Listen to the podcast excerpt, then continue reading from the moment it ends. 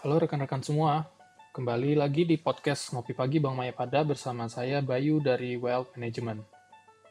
Pada podcast episode kali ini, saya akan membahas suatu perubahan yang terjadi pada industri perbankan. Buat yang sudah baca atau lihat berita beberapa hari terakhir ini, mungkin tahu kalau saat ini OJK itu mengeluarkan peraturan POJK baru mengenai bank umum.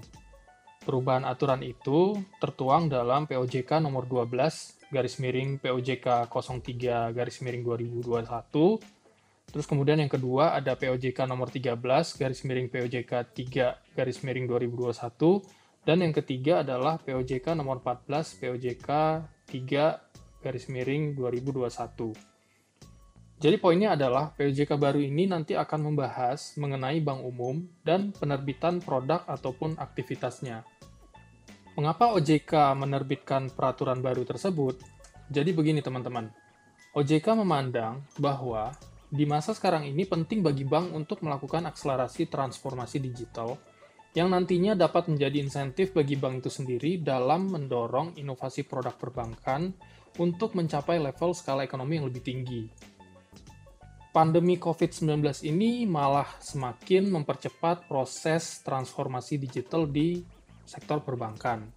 Kondisi demikian itu mengharuskan perbankan untuk menempatkan transformasi digital sebagai prioritas utama dan sebagai salah satu strategi dalam upaya peningkatan daya saing bank.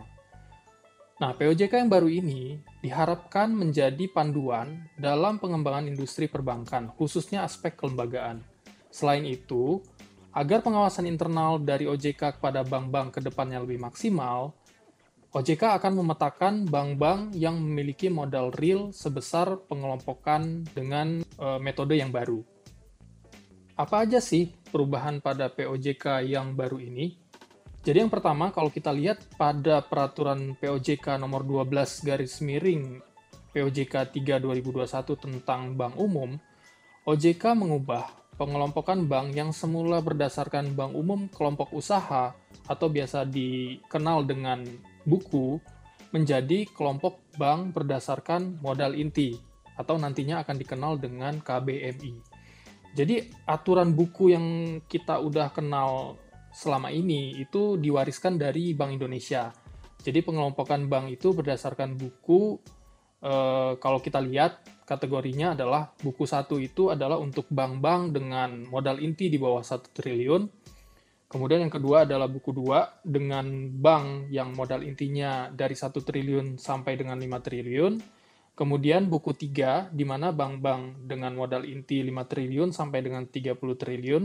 Dan yang terakhir adalah buku 4 untuk bank-bank dengan modal inti di atas 30 triliun. Nah, untuk aturan baru ini, OJK akan mengelompokkan bank-bank berdasarkan KBMI atau kelompok bank berdasarkan modal inti. Nah, untuk KBMI 1, bank-bank itu nanti akan dikelompokkan uh, dengan modal inti sampai dengan 6 triliun. Kemudian KBMI 2 untuk bank-bank dengan modal inti yang lebih dari 6 triliun sampai dengan 14 triliun. Kemudian KBMI 3 itu adalah bank-bank dengan modal inti dari 14 triliun sampai dengan 70 triliun. Dan yang terakhir adalah KBMI 4 dengan modal inti lebih dari 70 triliun.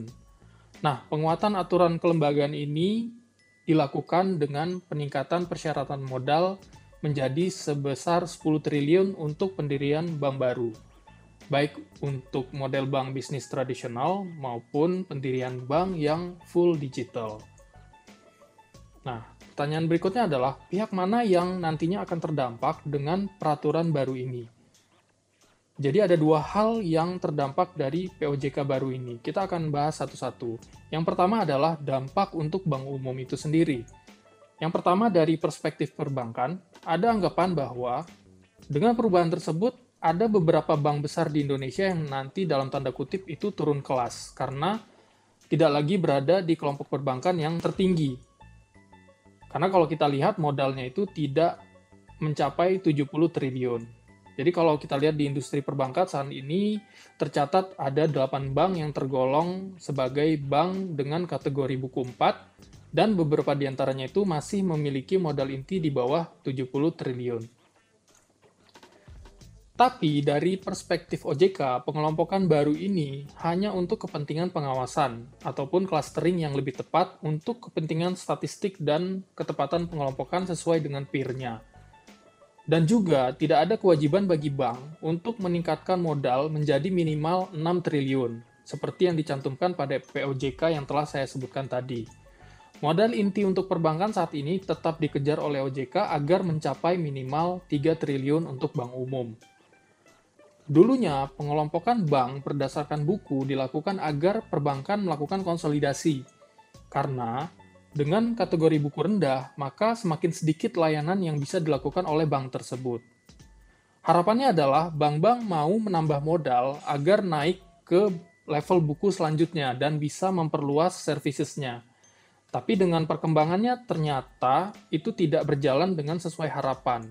Sehingga OJK memutuskan agar dilakukan perubahan dengan metode KBMI agar pengelompokan bank menjadi lebih tepat dan tidak terjadi ketimpangan antara bank dengan modal inti yang kecil dengan yang lebih besar.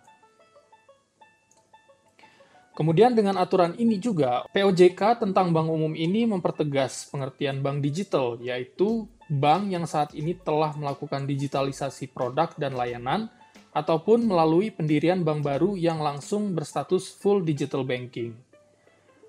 Nah, terus kemudian dampak selanjutnya adalah untuk produk yang diterbitkan oleh bank umum tersebut. Jadi POJK baru nomor 13 POJK 03 2021 mengenai penyelenggaraan produk bank umum menitik beratkan pada penguatan dalam perizinan dan penyelenggaraan produk bank dari semula menggunakan pendekatan modal inti atau capital based approval menjadi pendekatan berbasis risiko atau risk based approval. Peraturan ini dimulai dari perencanaan, terus kemudian penyelenggaraan hingga pemberhentian produk bank. POJK ini juga akan memberikan ruang inovasi bagi bank umum untuk memenuhi tuntutan dan ekspektasi masyarakat akan produk bank yang sesuai dengan kebutuhan nasabah atau lebih ke customer centric. Kemudian, apa sih manfaat dari adanya POJK baru ini?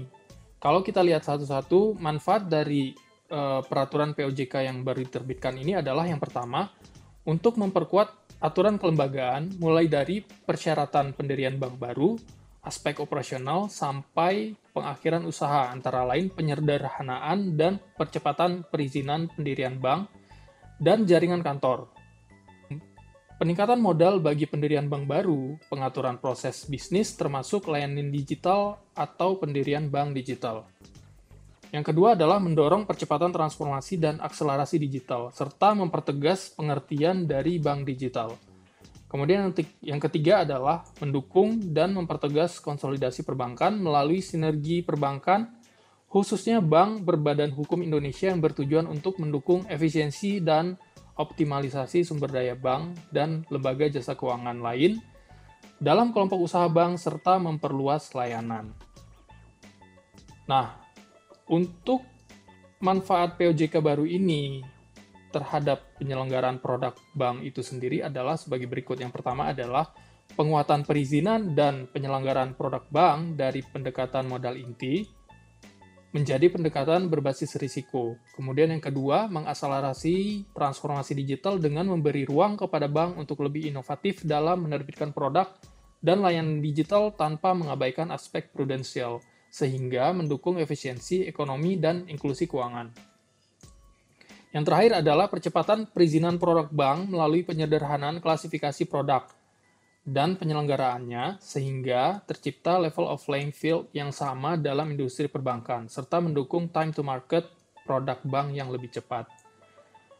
Semoga informasi mengenai perubahan peraturan mengenai pengelompokan bank berdasarkan KBM ini cukup jelas dan memberikan manfaat untuk teman-teman semua. Sekian podcast kali ini. Stay tuned and healthy everyone. Terima kasih.